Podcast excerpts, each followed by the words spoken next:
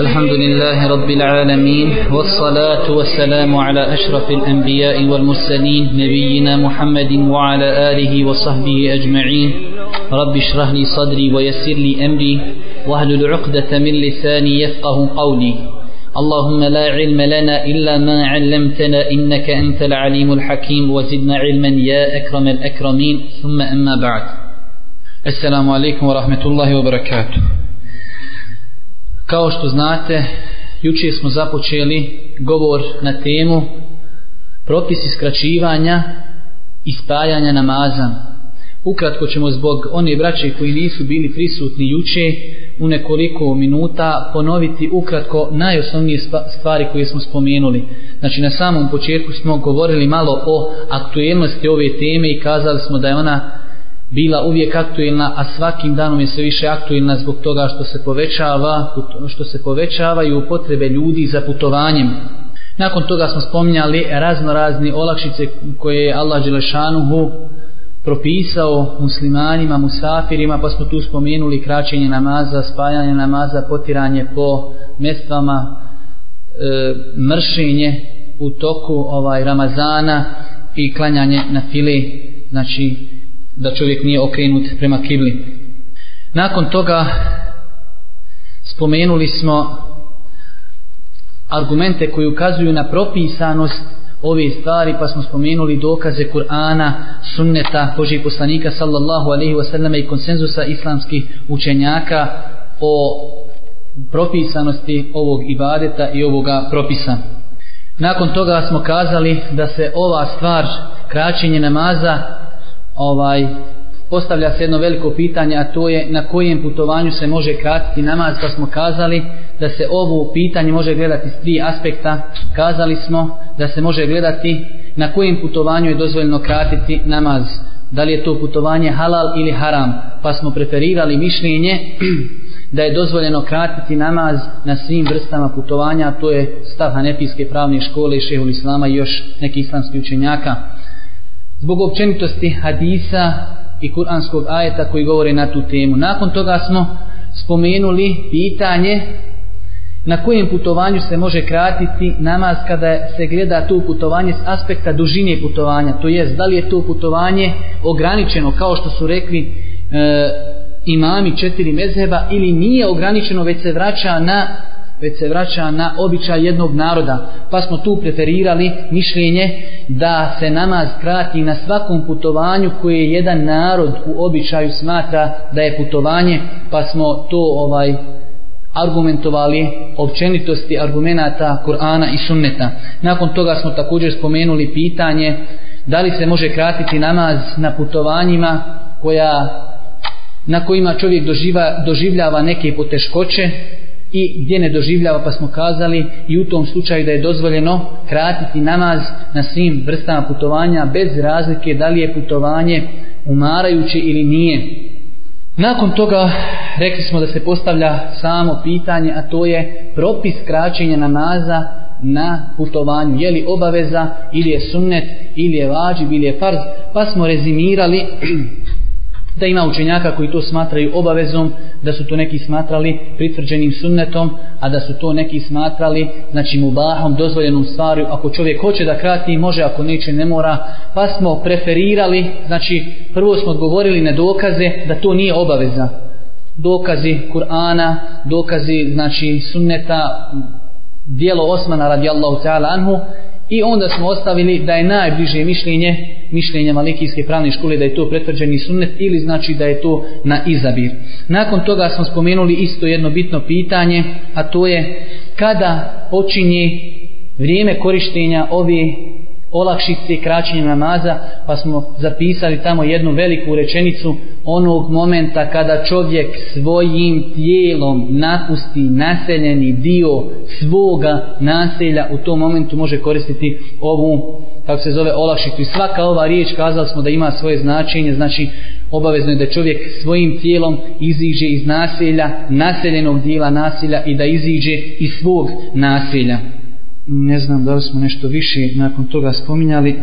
Dobro, uglavnom na osnovu onog zadnjeg što smo spomenuli, na osnovu toga da čovjek počinje kratiti namaz nakon što iziđe iz svog nasilja tijelom, možemo e, da kažemo donijeti rezime i kazati ako bi se desilo da u nekom gradu postoji aerodrom ili željeznička stanica ili autobuska stanica koja je izvan grada nije u sastavu grada čovjek kada kreni na putovanje i ode na taj aerodrom ili željezničku, avionsku, znači autobusku stanicu, željezničku stanicu, od tada već može početi koristiti ovu olakšicu, znači kraćenja namaza. Pa čak da se desi kao što navodi šehu Femin, da čovjek ode na aerodrom i zatekne ga namaz. On ga skrati. Kad prođe malo vremena, kažu odgođen je let. Kad se vrati kući, da li će ponoviti namaz? Neće, zato što je on u tom momentu mislio da je musafir. Kao što i je, već je imao pravo da koristi tu olakšicu. Znači, samim svojim izlaskom iz naselja na aerodrom ili na željezničku autobusku stanicu, njemu je dozvoljeno koristiti te olakšice. Vjerujte, vraću, moja draga, ovo pitanje skoro nećete naći knjige koja znači obuhvata fete učenjaka da se ova pitanja postavljaju. Uvijek ćete naći pitanje išao sam na aerodrom koji je izvan grada mogu li početi kratiti namaz. Dosta puta, zato sam ga ja zbog njegove bitnosti ispomenuo. Također, jedna stvar koja se može spomenuti, a bitna je ovaj, odnosno i nije toliko bitna, ali osoba koja nema određen pravac kretanja, na primjer čovjek se izgubi, ne zna koliko je daleko, ne zna gdje će, ne zna šta će. Da li takva osoba može koristiti ovu olakšicu kraćenja namaza? Po jednom dijelu islamskih učenjaka on može koristiti ovaj ovu olakšicu pa makar i ne bio musafir jer kažu ako je musafiru koji zna gdje ide i gdje se kreće i dozvoljeno koristiti ovu olakšicu pa ona osoba koja je izgubljena ne zna uopšte gdje je i šta je on je kaže mnogo preći da može koristiti ovu olakšicu. Također jedno pitanje, znači ovo su sada sve, braću moja draga, kao što vidite, neka sporedna pitanja.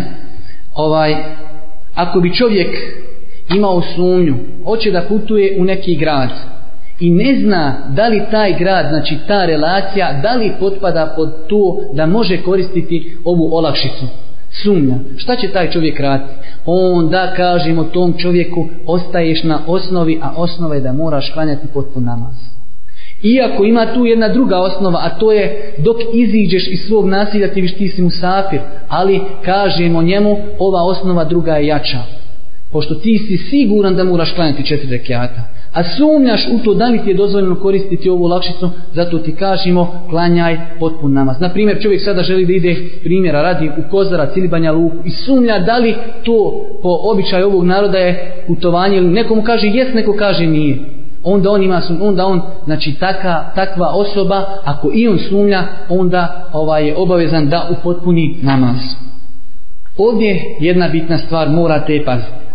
Čovjek ako bi otišao u posjetu u posjetu. Zapamte dobro što sam rekao, ne bi volio da mi neko poslije prišije da sam kazao neku fetvu koju ja nisam rekao. Ako čovjek ode u posjetu nekoj rodbini, znači pa makar to bili i njegovi roditelji, on živi u jednom dijelu države, oni žive u drugom, ako ode njima u posjetu, znači on na tom putu može kratiti namaz i kod njih kada bude shodno onome što ćemo sada spomenuti, kada dođe pitanje, kada čovjek odsjedne u jednom mjestu, Znači koliko vremena može osvijesti pa da krati namaz, to je jedno od najbitnijih pitanja i tim pitanjem ćemo i završiti ovu tematiku kraćenja namaza. S tim što je jedno također bitno pitanje koje dosta puta ljudi spominju iz dijaspore, kada se ljudi vrate u svoju domovinu, ondje gdje se smatraju da je to njihova znači domovine gdje žive, kada dođu na to mjesto ti ljudi više ne mogu kratiti namaz.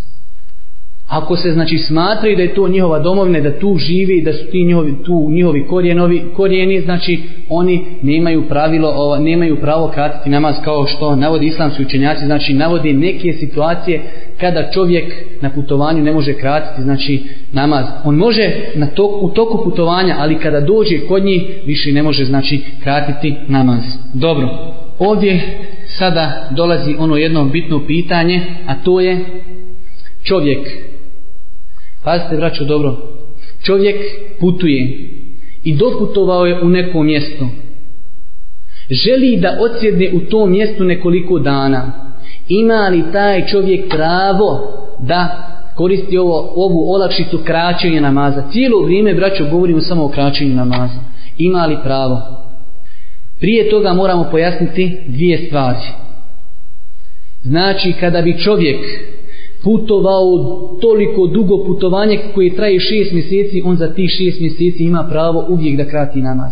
Već govorimo o situaciji kada čovjek dođe i odsjedne u nekom mjestu Pošto ima ljudi ovo pitanje, znači odsjedanja u nekom mjestu, brkaju sa pitanjem putovanja pa kažu ako putuješ više od četiri dana niti je dozvoljeno kratiti namaz. Kada bi čovjek putovao šest mjeseci njegovo putovanje trajalo dozvoljeno. Ali je pitanje kada dođe i odsjedni u jednom mjestu. Tada ovo o čemu govorimo. Taj čovjek koji dođe u jedno mjesto može biti jedan od trojici. Zapamtite dobro. Jedan od trojici. Prvo, da dolazi u to mjesto i želi živjeti u tom mjestu. Čovjek dolazi i odmah zna tu je kupio kuću, želi da živi u tom mjestu, to je njegovo mjesto. Ta osoba od samog njegovog dolaska obavezna je klanjati potpun namaz. Ne može kratiti. Znači prvo kada čovjek pita mogu li kratiti namaz u nekom sam mjestu, pitaš ga je li želiš tu živjeti, kaže ja hoću tu da živim. Odmah mu kažeš ne možeš. Ti si postao stanovnik tog mjesta. Dobro, to znači, kada budemo govorili o ovom pitanju, ne podrazumijevamo ove ljude. Njih, njihovo pitanje smo riješili. Drugi čovjek kaže, ja ostajem ovdje neodređeno. Imam neki posao, možda ga završim sutra, možda preko sutra. Očekujem da mi neko dođe, da mi neko nešto donese. Znači neodređeno. Kaže, možda ću za dana, možda za dva. Možda za tri, ne znam. Taj čovjek može kratiti namaz kad bi tu ostao mjesecima i godinama. Znači i o tom čovjeku ne govorimo. Imamo dvije krajnosti. Imamo krajnost čovjek koji je došao i tu stanovati želi. Želi da postaje stanovnik tog mjesta. Taj ne može kraćati. Drugi koji ostaje na neodri. Ne zna. Kada upitaš kada kaže možda sutra, možda danas. Svodno situaciji na terenu. Takav čovjek kada bi ostao godinama skoro po konsenzusu, skoro po konsenzusu, znači po velikoj većini islamskih učenjaka čak neki navode konsenzus da čovjek ako je znači kako to Arapi kažu mutaradid, neodređen kada će može kratiti namaz. Ostaje nam treća situacija a to je čovjek dođe i kaže ostajem ovdje, ali znam koliko ostajem. Ostajem heptu. E o tom čovjeku mi noćas govorimo. Jeste dobro shvatili o čemu govorim Ne govorimo o čovjeku koji kaže ja tu ostajem non stop. Niti govorimo o čovjeku koji kaže ja ne znam kad ću ići. Govorimo o čovjeku kaže došao sam, hoću da budem kotetke tri dana, hoću da budem deset dana, hoću da budem petni. Zna koliko će, normalno, da neko ne pomisli, evo ga zna gajb. Ne zna niko gajb, ali čovjek kaže ja planiram ostati heptu dana. To je njegov plan imam povratnu kartu za autobus za sedam dana. Znači taj čovjek zna koliko ostaje. E o tom čovjeku govorimo. I to je jedno pitanje koje se najčešće spominje. Po tom pitanju, braćo moja draga, islamski učenjaci imaju različite stavove. Opet možemo u globalu podijeliti ulemu u dva tabora. U globalu ima učenjaka koji su to vremenski odredili. Pa kažu ako budeš toliko možeš, ako budeš manje, znači ako budeš manje može, ako budeš više ne može. Znači prvo ćemo podijeliti u u dva tabora. Ima lemije koji su to odredili vremenski, a spomenut ćemo njihova mišljenja, a ima lemije koji to nisu odredili vremenski. Kao kada smo govorili o dužini putovanja, pa smo kazali ima ulemije koja tu ograničava 88 km ili kusur, a ima oni koji ne ograničavaju, a oni koji ograničavaju opet se razilazi, pa neki kažu dva dana, neki tri dana. Tako i ovdje. Oko ovog odsjedanja u nekom mjestu imamo učenjaka koji kažu to je ograničeno. Toliki broj dana imaš. A sami se oni razilaze, ali ograničavaju. A imamo drugi broj učenjaka koji kažu nije ograničeno.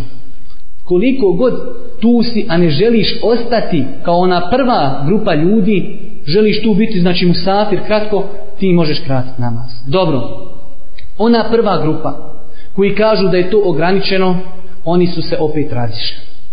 Pa imamo hanefijsku pravnu školu koja je tu i tamo najpodobnija. Oni kažu 15 dana. Ako ćeš biti manje od 15 dana, možeš. Čovjek dođe i kaže ode kotetki. Koliko ćeš biti? Hertu dana. Po hanefijskom odmah možeš.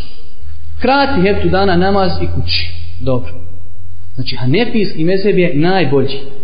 Iako po ovom pitanju, braćo moja draga, treba da znate da ima devet različitih mišljenja. Mi ćemo spomenuti samo mišljenja mezheba. Drugi mezheb jeste mezheb hanbelijske pravne školi. Oni kažu 20 ili 21 namaz. Oni nisu u danima, oni kažu u, u namazima. Ni oni sami se razilaze šta je njihov mjesec, znači ili 20 21, ali znači ove dvije cifre. Oni kažu, ako dođeš u neko mjesto, počinješ brojati po namazima, ne po da ako si došao od povodnje znači brojiš 20 ili 21 namaz. I imamo treće mišljenje, ostali su nam šafije i malikije, oni kažu opet u danima, oni kažu četiri dana ako ćeš ostati u nekom mjestu četiri dana, manje od četiri dana možeš. Ako ćeš ostati više od četiri dana, ne možeš. Jeste li sve zapisali? Jeste, inša. Dobro. Ono drugog mišljenja, znači, grupa ljudi koji nisu ograničili ovaj čovjekov boravak i uslovili ga kraćenjem namaza, na čelu te uleme je šehul Islam Ibn Tejmije rahmetullahi alejhi. U tome ga je slijedio njegov učenik Ibn Al-Qajim rahmetullahi Od ulemi današnjice je mišljenje su zastupali Muhammed ibn Abdul Wahhab, zastupao ga je također šejh Husaymin rahmetullahi alejhi Prije njih čovjek koji je živio zvao se Abdurrahman ibn Sa'di, i također još neki uglednici ovog vremena. Zastupali su mišljenje da čovjek kada ostane znači u nekom mjestu i zna koliko će ostati, ali nije odlučio da će biti stanovnik tog mjesta, da taj čovjek može kratiti namaz. Ovdje ćemo spomenuti jedan e, bitan detalj, govor šehol Islama i butejmije i mislim da je i kako bitno. Kaže Šehol Islam ibn Taymiye, znači otprilike njegov govor, ne morate ga zapisivati slovo po slovo, već otprilike. On kaže, one osobe koji ne, nisu dobro izučile ovu meselu, ovo pitanje, ne znaju tačno sve dokaze, kaže, ako bi uzeli za ono mišljenje da je četiri dana, kaže, to je najbolje, to, to je što je to najmanji. Kaže, ako uzmu raditi po tom mišljenju, to je dobro. Ali kaže, ako čovjek zna zna dokaze i čitao je o tom pitanju, kaže onda je ispravno mišljenje da je dozvoljeno tom čovjeku znači da krati namaz cijelo vrijeme dok bude boravio u nekom mjestu. Ali znači, opet ponavljam, govorimo o osobi koja je odsjela i zna koliko će odsjesti. Ovaj, to je to što smo imali kazati po ovom pitanju. Nema nekih argumenata da ih možemo iznositi, znači imaju argumenti da su mezhebi uzimali neke, neka putovanja Božijeg poslanika i na osnovu tih putovanja su oni zaključivali koliko čovjek može kratiti namaz, za koliko ne može. Ali nema nigdje hadis, niti kuranski ajet koji je to ograničio. Pa kaže ko ostane toliko i toliko, može. Ko ostane više ne može ili ko ostane manje može. Nema takvih hadisa. Već ima postupak Božijeg poslanika sallallahu alaihi wasallam na osnovu kojeg učenjaci su pokušali ičtihadit, trudit se da dođu do ovog odgovora. Zato ja zastupam nekako najbližnije mišljenje šehol islama, znači oni ljudi koji nemaju iskristalizirano jasno jačinu ovog razilaženja, neka uzmu sebi mišljenje četiri dana, nakon toga neka klanjaju potpun namaz. A ako znaju i znaju znači da to šerijat nije ograničio i poznaju pitanja, onda takvim ljudima možemo kazati ovaj da krati namaz cijelo vrijeme njihovog boravka i sam šeho Islam ibn temje kaže oba ova mišljenja su ispravna i kaže ne treba sljedbenici jednog mišljenja da upozoravaju, znači da negiraju ono što radi sljedbenici drugog mišljenja. Tako da je to na kraju krajeva i tekako bitno shvatiti. Dobro, ovo je bilo, braćo moja draga, po meni jedno najbitnije pitanje kada je u pitanju kraćenje namaza. Ukratko ćemo, uz Allahu subhanahu wa ta'ala dozvolu, spomenuti, jer mi smo radili one pitanja onim redom kako sam ja to zamišljao da je najbolji. A sada ćemo ukratko spomenuti uslove da bi se kratio namaz na putovanju, a to ovi koji su već jučer pisali, otprilike nemaju šta zapisati, ali ako želi mogu zapisati. Prvi uvjet znači kazali smo da je uvjet da bi čovjek kratio namaz da je na putovanju. Mi smo o tome jučer govorili šta se podrazumijeva, znači da se podrazumijeva svako putovanje koji narod smatra put, ali znači uslov je da bude na putovanju. I kazali smo jedno veliko pravilo koje svi trebate zapamtiti, ne može biti čovjek u situaciji da krati namaz osim na putovanju. Znači, kada ti neko kaže kraćenje namaza, odma znaj, samo postoji varijanta putovanja. Ili onaj borava koji smo sva malo prije spominjali. Ali znači nemoguće da čovjek kod kuće krati namaz. Vidjet ćemo kod spaja namaza da može, ali kraćenje namaza ne može.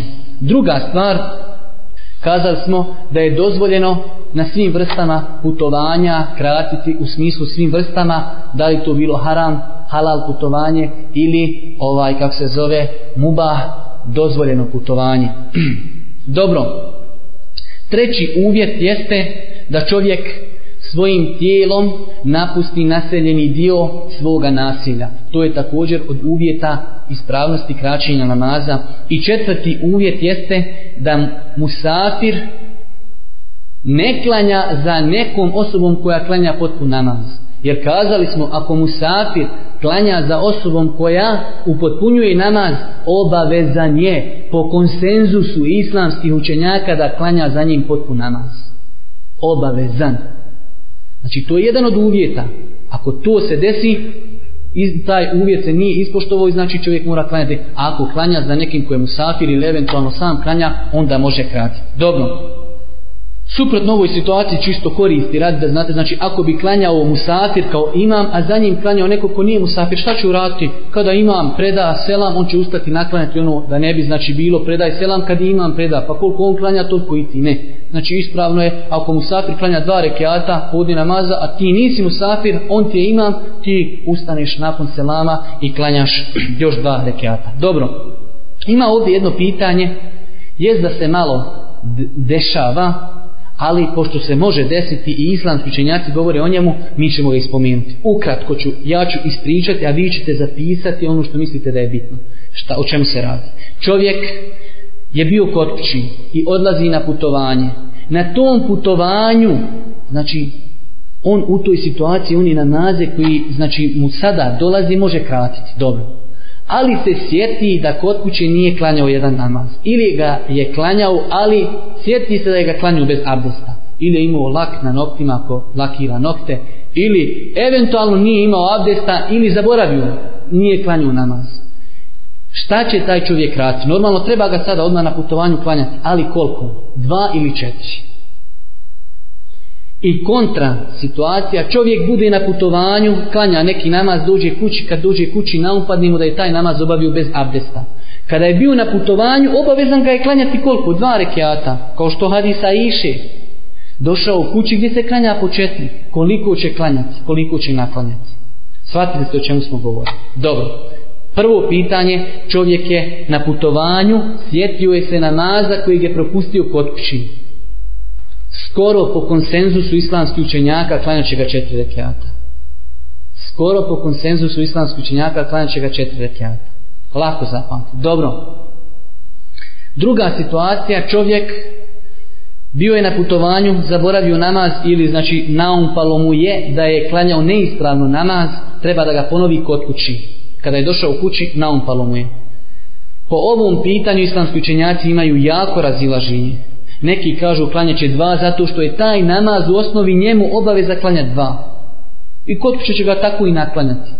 Po meni, prioritetnije mišljenje da čovjek klanja četiri kako bi inšala izašao iz razilaženja. Ali, ako bi neko klanjao dva iz ubjeđenja da je to tako i to je mišljenje koje zastupao ših Husaymin rahmetullahi alihi, to je jako mišljenje i velik broj selefa je zastupao to mišljenje. Ali ja kažem lično reći je da čovjek klanja četiri kako bi izašao iz razilaženja u leme, jer kada klanjaš četiri, ti si inšala sigurno obavi ono što je trebalo da obaviš. U svakom slučaju, znači, ostavljamo pravo svakome ovdje da ovaj, hajde da kažemo, sebi odabere prioritetno mišljenje.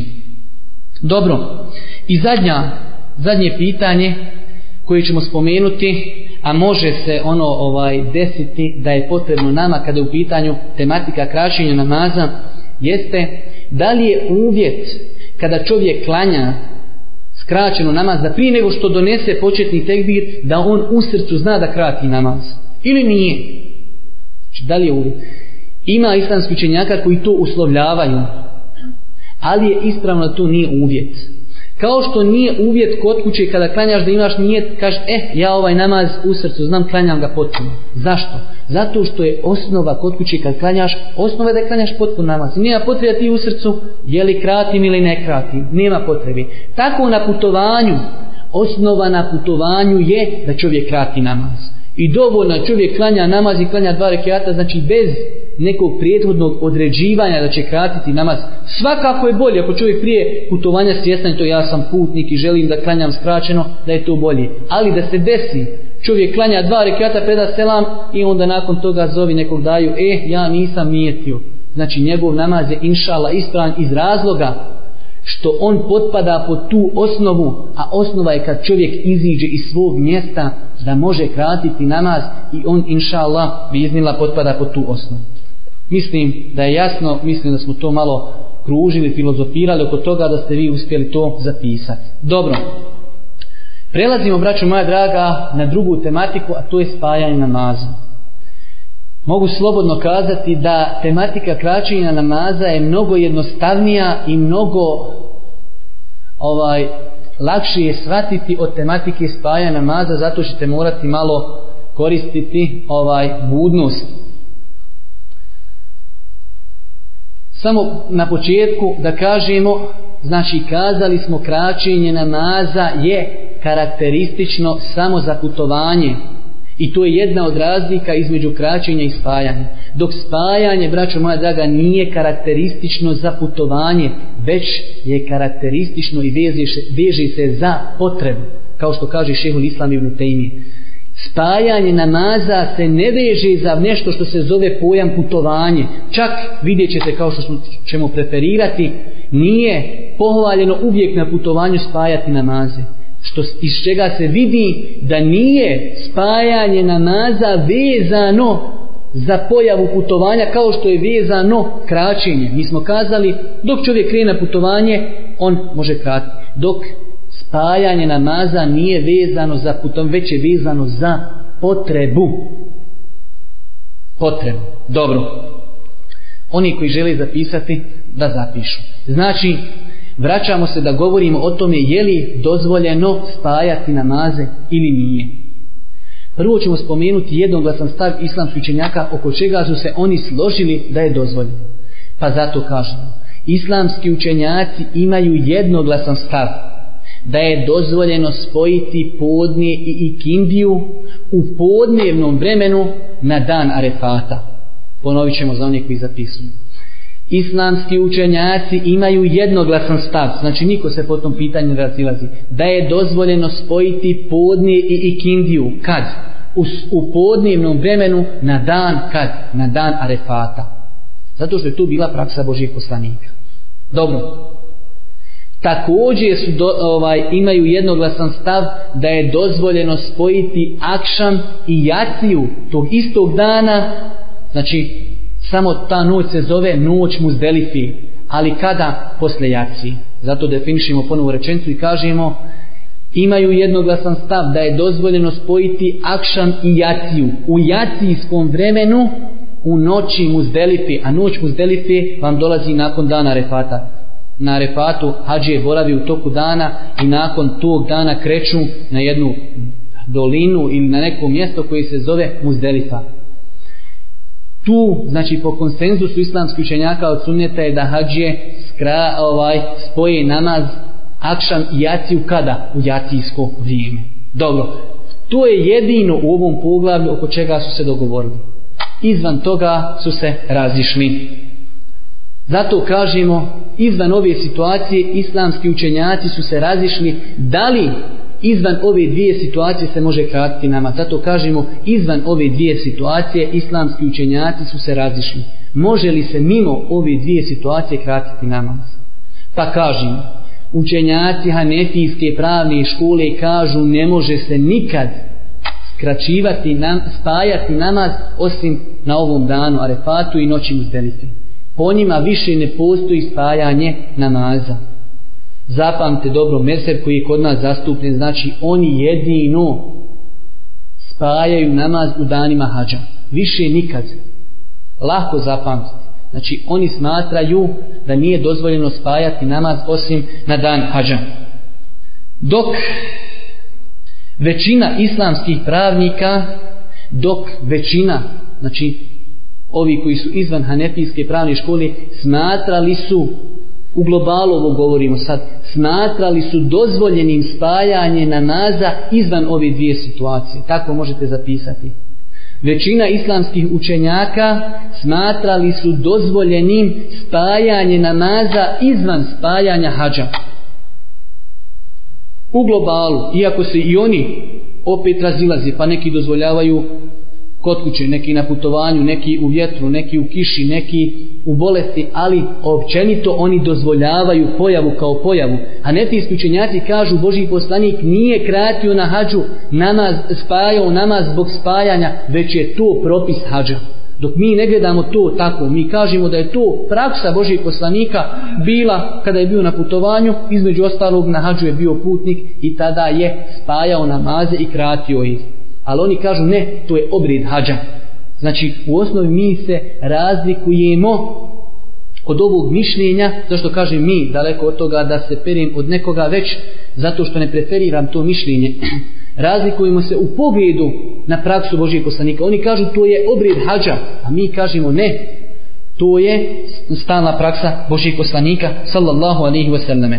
U svakom slučaju rezimiramo prioritetno mišljenje, ono koje preferiramo je mišljenje većinskog dijela islamskih učenjaka, ne zato što je većinsko, već vidjeli ste jučer da smo znali ovaj preferirati mišljenje i manjinskog dijela učenjaka, već pokušavamo slijediti ovaj dokaze Božijeg poslanika sallallahu alejhi ve selleme preferiramo mišljenje da je dozvoljeno spajati namaze i izvan hadža na osnovu argumenata pa možete zapisati u hadisu koji je zabilježio Buharija i Muslim od Enesa radijallahu ta'ala anhu. U hadisu koji je zabilježio Buharija i Muslim od Enesa radijallahu ta'ala anhu, poslanik, kada bi se pokrenuo na putovanju, Znači ovo je, govori Enes o poslanikovom putovanju, ne govori kada je kod kući, već u putovanju. Pa kaže Enes radijallahu ta'ala Boži poslanik, kada bi se pokrenuo na putovanju prije zevala, znači prije nego što nastupi podni namaz, prije nego što nastupi zeval, odgodio bi podne dok ne bi nastupila ikindija. Kaže Enes radijallahu ta'ala Boži poslanik kada bi bio nekada na putovanju pa odmaraju, pa bi nekada se pokrenuli prije podni. Kaže, tada bi Božji poslanik šta? Odgodio bi, kaže, podnije dok ne bi nastupila šta? I kindija. Pa bi se, kaže, zaustavio i klanjao bi ih zajedno. Znači, odgodio bi podnije dok ne bi nastupila i Kindija, kaže, pa bi se zaustavio, pa bi ih klanjao zajedno. Ovdje je dokaz, znači, jasan ko? znači ko dan da je Boži poslanik sallallahu alaihi wasallam na putovanju spajao namaze. Pa nastavlja Enes. A ako bi nastupilo podni prije pokreta, klanjao bi podni pa bi krenuo. Znači ako su negdje odmarali, pa u međuvremenu je nastupilo podni, Boži poslanik bi obavio podni namaz, a nakon toga bi krenuo da putuje. Znači kaže Enes radijallahu ta'ala anhu, a ako bi nastupilo podne, prije pokreta klanjao bi podne pa bi krenuo. Ovo je argumenat koji se nalazi u Buhari i muslimu od Enes radijallahu ta'ala anhu koji je jasan argumentat da je Boži poslanik sallallahu alihi wasallam spajao namaze na putu. Još jedna predaja ovog hadisa i bit će inšala dovoljno.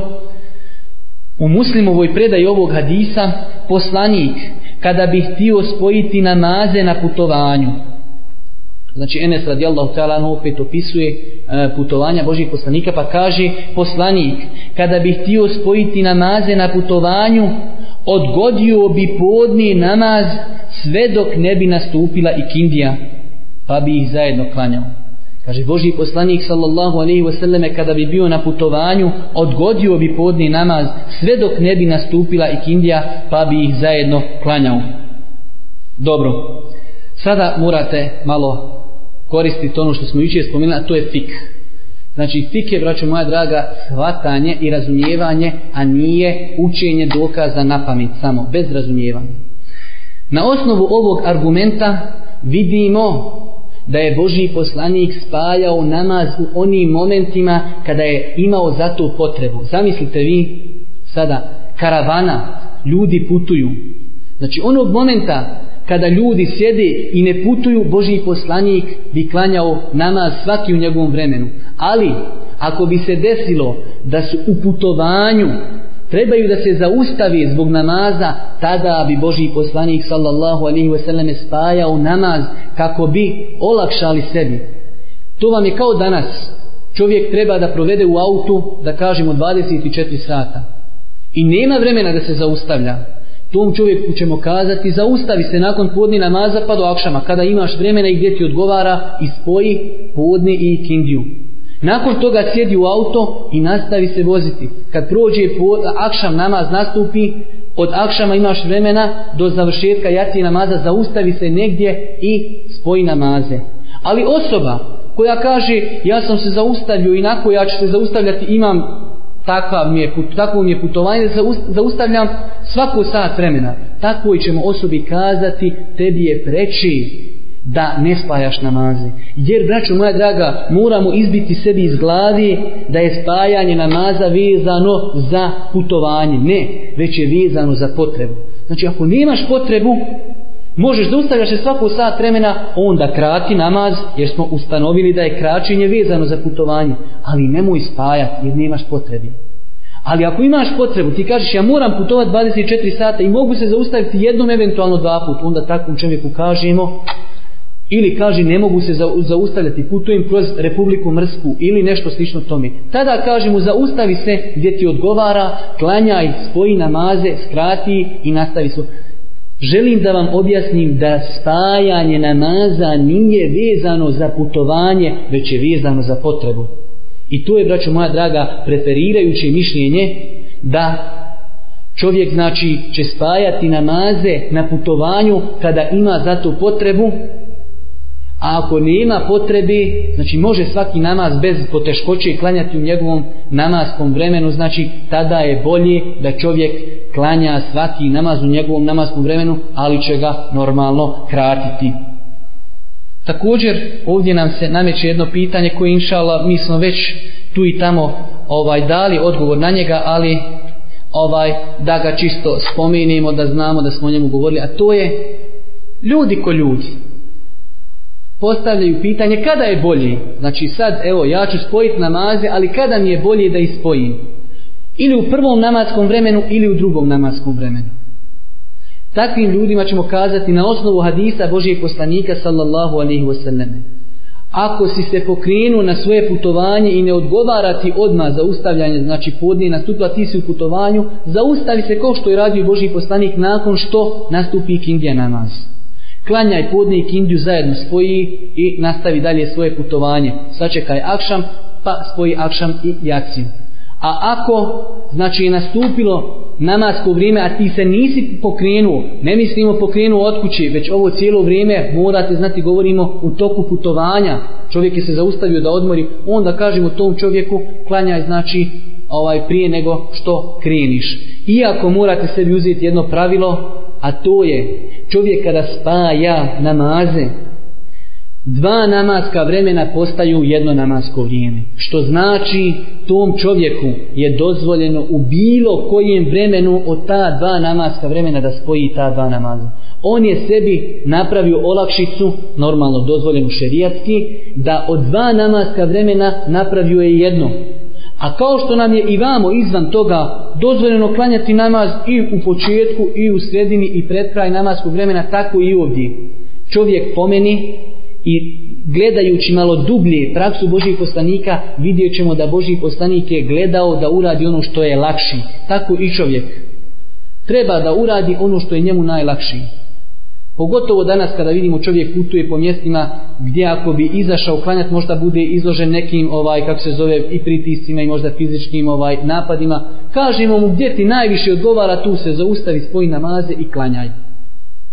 Tako da ovaj imate tu stvar na umu, znači čovjek onog momenta kada odluči i ima šerijatski opravdan razlog da spaja namaze, onda mu kažemo spoji u onom vremenu kada tebi najviše inšala odgovara, jer pogledajte praksu Božih poslanika na refatu. Spojio je podne i kindiju u podnijevskom vremenu. Zašto? Kako bi ljudi, nakon što se obavi podni namaz, mogli sve do akšama znači da više ne moraju to prekidati, jer počinje znači taj takozvani vuhuf i stajanje na arefatu boravak od podne do akšama i odmah se obavi podne i kindija zajedno i ti onda cijelo vrijeme možeš do akšama učiniti dobro.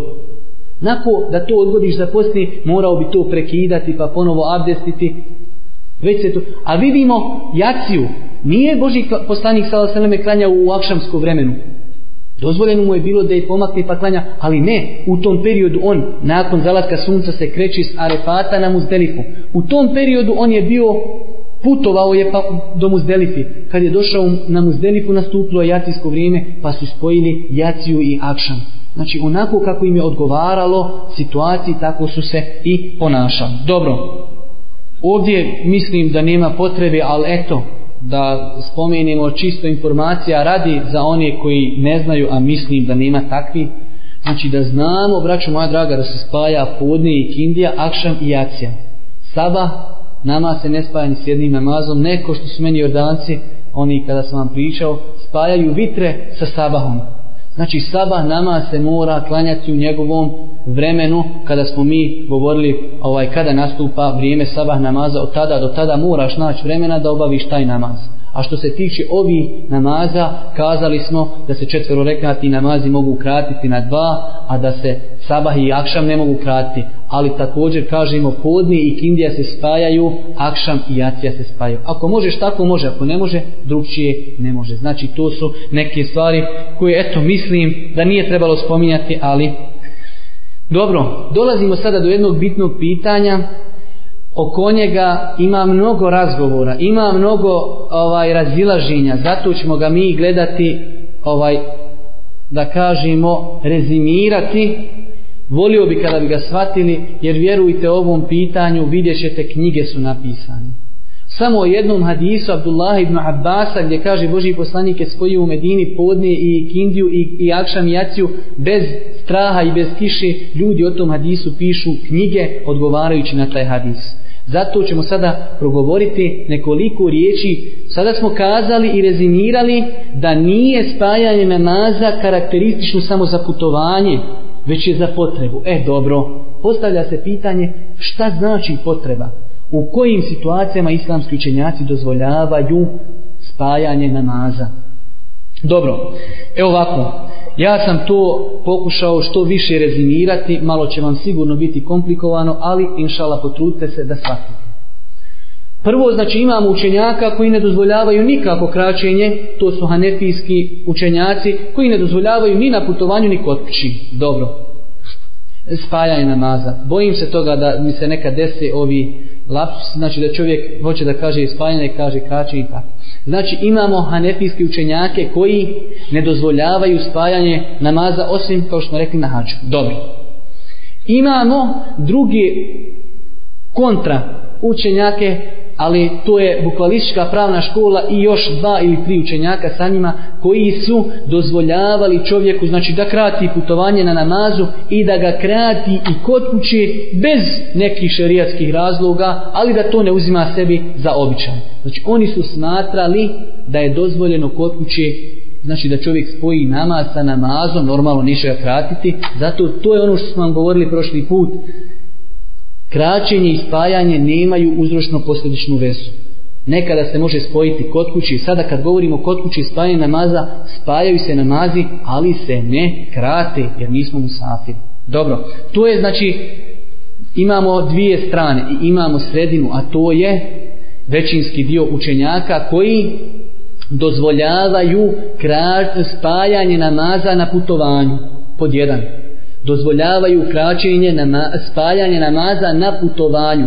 Sami oni oko toga se malo razilaze Jedni kažu na svim putovanjima, neki kažu na onim dugim putovanjima gdje se može krati namaz. Ali dozvoljavaju na putovanju tri mezeva Dozvoljavaju kod kuće u nekoliko uvjeta i oko ovih situacija i oko ovih situacija mezevi se razlikuju ali ja ću spomenuti bez neki ovaj što bi rekao veliki teza znači dozvoljavaju ako postoji zato velika bolest dozvoljavaju ako je velika kiša.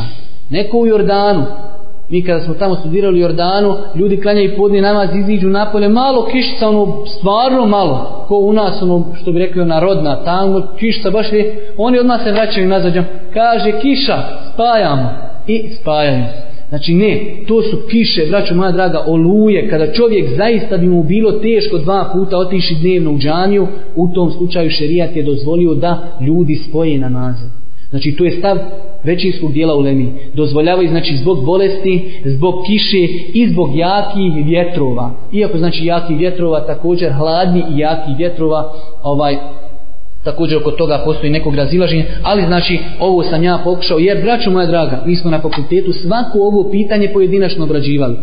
Razilaženje u leme prilikom spajanja, znači namaza, bolest. Pa drugo pitanje, kiša. Pa treće pitanje, blato. Pa četvrto pitanje, vjetar i tako. Ali općenito, znači govoreći, većina islamskih učenjaka dozvoljava spajanje namaza na putovanju pod uvjetima, ovdje se vraćamo na uvjet da ima potreba za to i kod kuće dozvoljavaju pod ovim potrebama, znači ako je čovjek mnogo bolestan, ako je jaka kiša, oluja i ako su hladni i jaki vjetrovi.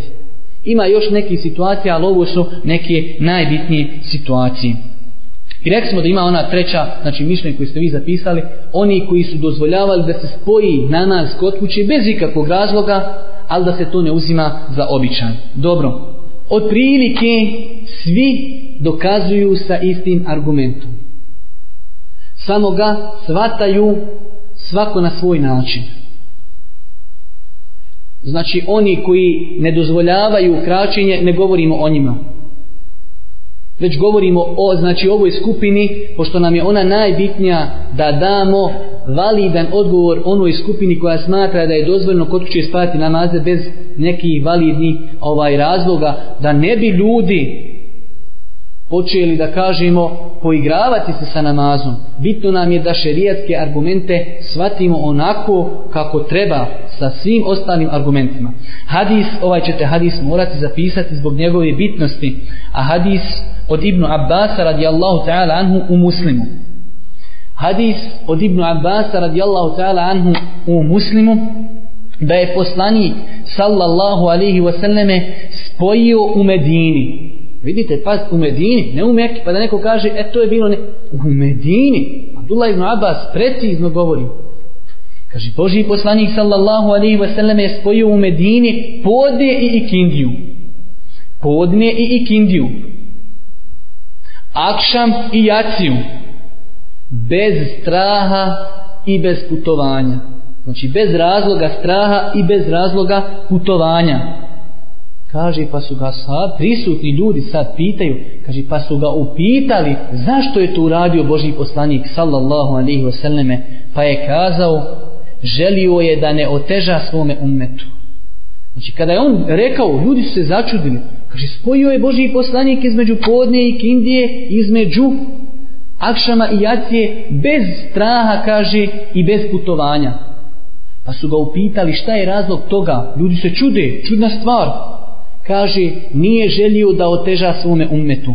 U drugoj predaji ovog hadisa također bitno je zabilježiti da je kada je navodio ni razloge rekao je bez kiše i bez straha.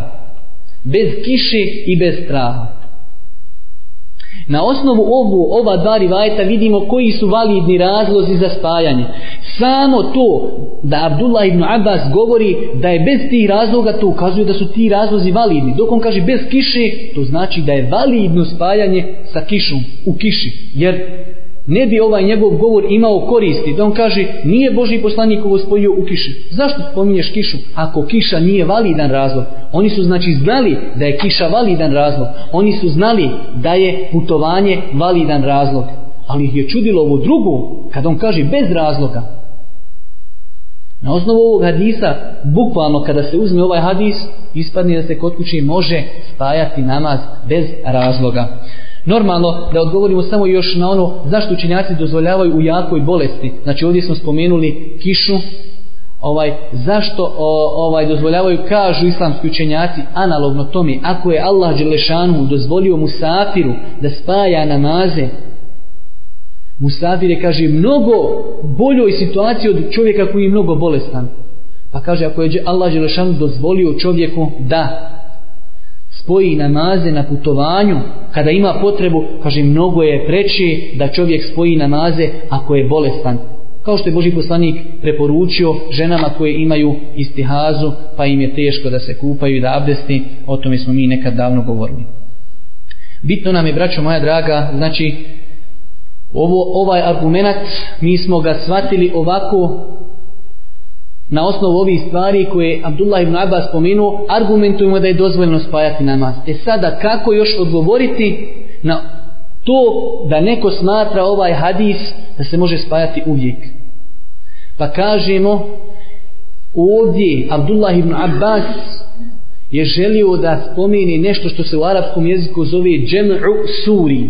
A šta znači džem'u suri? Pošto ja nisam tražio u rječnicima kako se prevodi to na bosanski, pojasnit Znači, želio je da kaže Boži poslanik je jednog dana spojio, ali kako je spojio? Da je podni namaz odgodio do zadnjeg njegovog vremena, što bi rekli mi sad u zadnjih pet minuta. Klanjao je podni. Nakon toga odmah nastupa pod i kindija namaz i odmah su prestupili klanjanju i kindije namaza. To je dozvoljena stvar, jer ljudi treba da znamo. Džibril alaihi selam, govorili smo kada smo govorili o namaskim vremenima. Prvi dan je, kaže, došao onog momenta kada je sunce prešlo polovinu, pa su klanjali podni. A drugi dan je došao, kaže, kada je isticalo vrijeme podni namaza, pa su klanjali. Pa je sutra dan kada je završio to rekao Božim poslaniku, namaska vremena su ti između tog, između ta dva vremena kada smo mi klanjali. Tako da je dozvoljeno normalno ako čovjek ima za to potrebu da čovjek ponekad odgodi na nas do kraja u vremena, ali bitno je da ga klanja. Zašto Boži poslanik sa osaleme kaže u vjerodostojnom hadisu ko stigne klanjati samo jedan rekiat od ikindije namaza prije zalaska sunca, uspio je klanjati ikindiju. Validna ikindija, samo rekiat, šta je to? Minuta, ali je validno. Zato islamski učenjaci kažu nije Abdullah ibn Abbas mislio na spajanje koje vi mislite spojio je znači ili u podnjenom ili kindijskom vremenu. Ne, već je spojio na taj način Božji poslanik sallallahu alaihi selleme što je odgodio podni do kraja a i kindiju je odmah klanjao na početku i tako je to izgledalo spajanje. I zato je to olakšanje umetu. Iako neki kažu pa kako je to olakšanje? To je olakšanje čovjek, na primjer, došao je s njivi, ima deset minuta da klanja, kažemo mu, klanjaj podne dok nastupi kindija, odmah klanjaj kindiju i idi nastavi za svojim poslom. To je olakšanje, da ljudi smati da je u određenim šerijatskim e, uslovima dozvoljeno odgoditi namaz do njegovog zadnjeg namaskog vremena. Zasigurno svi mi tvrdimo da je bolje klanjati u prvom namaskom vremenu, ali nam je bitno da čovjek klanja namaz u njegovom ovaj njegovom određenom vremenu. Ovo sve nam potvrđuje predaja od Ibnu Abbasa koji je zabilježio imam Nesai.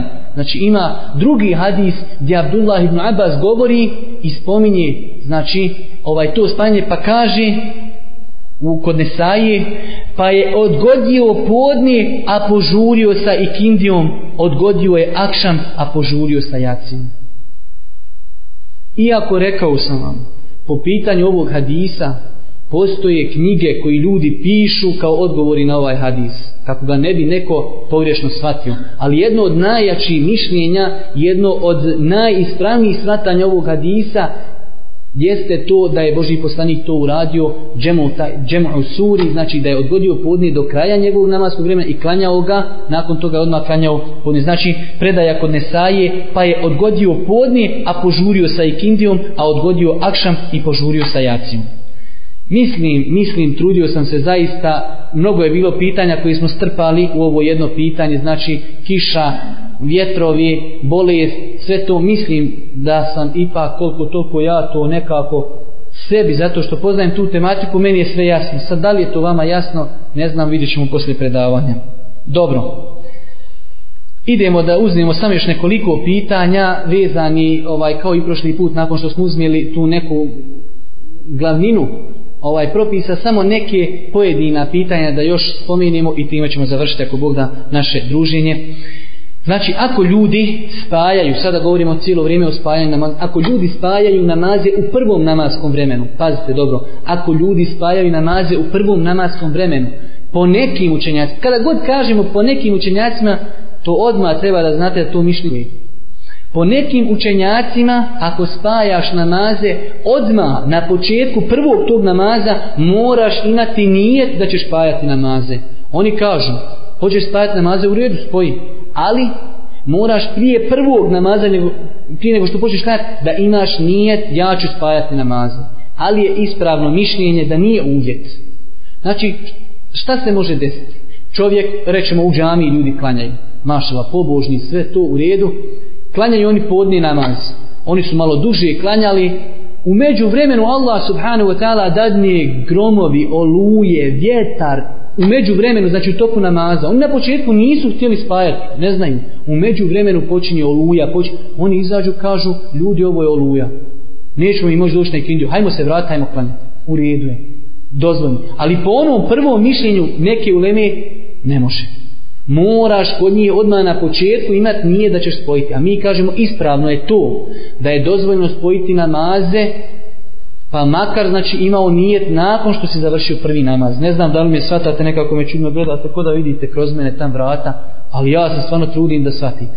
Znači nije uvjet da bi bilo ispravno spajanje po ispravnom mišljenju da imaš odma nijet prilikom spajanja. Ispravno je to da ako si klanjao jedan namaz pa se predomisliš ili se desi neka pojava koja ti daje šerijatski validan razlog da spojiš, možeš spojiti.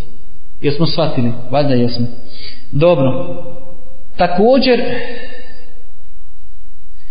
kada se dešava, ovo govorimo cijelo vrijeme, dvije stvari ćemo spomenuti, kada čovjek spaja namaze u prvom namaskom vremenu, po nekim učenjacima, opet dok kažemo po nekim učenjacima nije jako više, ali u ovom slučaju tu ćemo samo ispomenuti mišljenje, nije dozvoljeno rastavljati između tih namaza koje spajamo u prvom namaskom vremenu, osim da čovjek prouči i kamet, jer je tu propisano čovjek, znači kada spaja maze, prouči se jedan ezan na dva i kameta.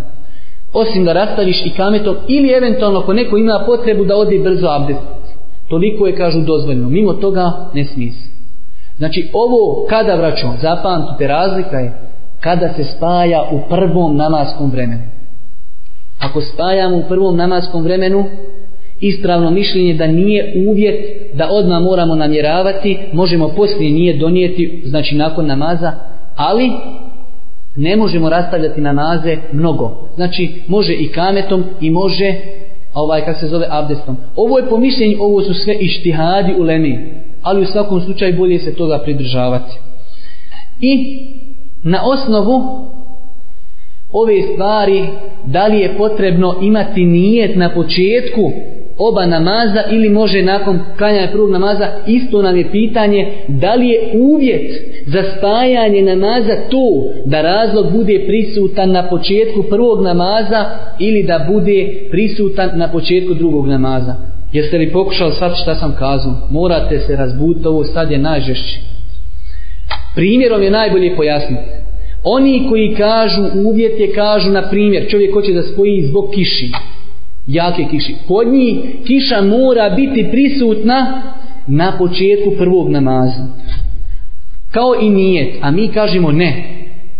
Bitno je da bude na početku onog namaza kada ti spajaš. Znači čovjek je klanjao prvi namaz i završio, počela oluja, ti vidiš da nećeš možda doći drugi put u džanju, kažeš ljudi ćemo spojiti, hoćemo i spojiti. U redu je. A po mišljenju neke uleme, kao i za nijet, oni kažu ne, kiša mora biti i to ta jaka prisutna u prvom namazu i vi odmah da zanijetite. Ali mi smo rekli nije ni nijet uvjet, niti je uvjet taj šerijetski razlog. Ali je uvjet, znači nakon namaza, ne možete ti reći, pretpostavljam ja kiša će pati, mi spojiti. Znači to nema nikakve logike. Dobro. Također, uvjet prilikom spajanja namaza za ispravno spajanje jeste da na nazi budu klanjani po rasporedu. Znači ako ćeš spajati, uvjet za ispravno spajanje namaza jeste da klanjaš, ako spajaš podne i kindiju, klanjaj prvo podne, pa klanjaj i kindju, A ne klanjaj kindju pa podne ili klanjaš akšam i jaciju, najviše i najveći problem klanjanja akšama i jacije, ali nećemo zapnjati oko toga. Znači obavezno je da bude redoslijed onako kako su poredani namazi. Dobro. Ovdje nam se postavlja, cijelo vrijeme govorimo onako otprilike podne i kindija. Postavlja se jedno pitanje, a to je da li se može spojiti džuma sa ikindijom ili ikindija sa džumom. To je se dešava, ja sam možda prije 15-20 dana imao par pitanja na tu tematiku. Može li se spojiti džuma i ikindija namaz? Ima islamski učenjaka koji su tu dozvolili, ali ovaj ima učenjaka na čim čelu je ovaj Šejh Usejmin rahmetullahi koji nije dozvolio pazite sad šta ću kazati sad morate se probuti nije dozvoljeno spojiti podnije i ikindiju odnosno džumu i ikindiju ako si džumu klanjao sa nijetom džumi šta to znači tu dolazi do izražaja, razmišljanja i tik. Kaže u Semin, nije dozvoljno da spojiš džumu sa i Moraš klanjati džumu, sačekaj ikindiju i klanjati. Ali, ti si musafir. Džuma se klanja dva rekiata, jel tako? Jeste. Ti ko safir imaš pravo klanjati podne namaz koliko? Dva rekiata. Tebi nije uslov da nije tiš zahođom i kin pod džumu. Klanjaj ti podni. Ako klanjaš za njim, kaže podni, a ja to, kaže, ne preporučujem zato što time gubiš nagradu džumi, tada, kaže, možeš stvoriti.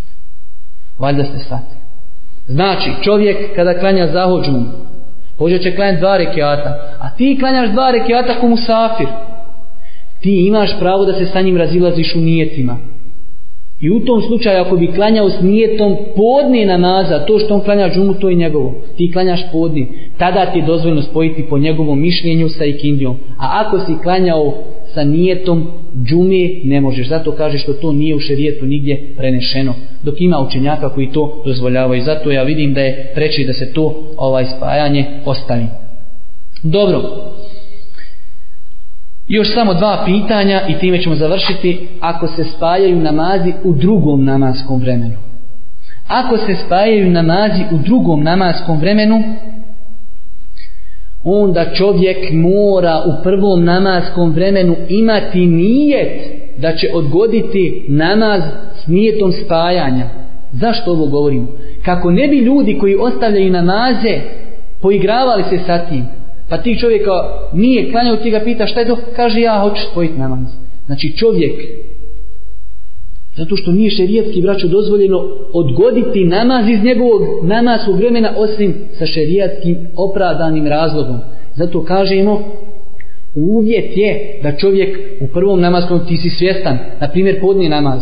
Tebi ne odgovara da spojiš u podnevnom vremenu, tebi odgovara da spojiš u ikindijskom. Ali kažeš u srcu, ja odgađam namaz do ikindije. Ne odgađam ga što ga neću klanjati, već ga odgađam zato da bi ga spojio.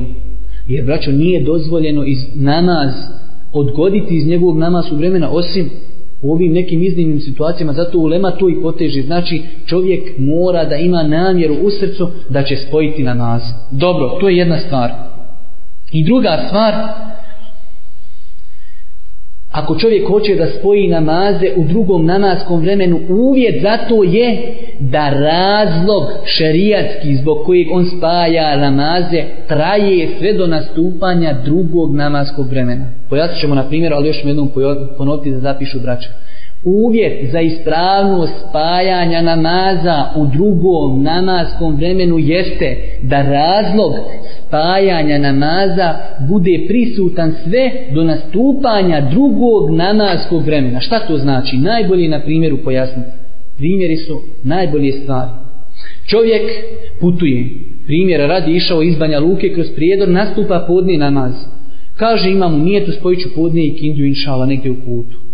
I ne spoji podne i kindiju, dolazi kući, a još nije nastala i kindija.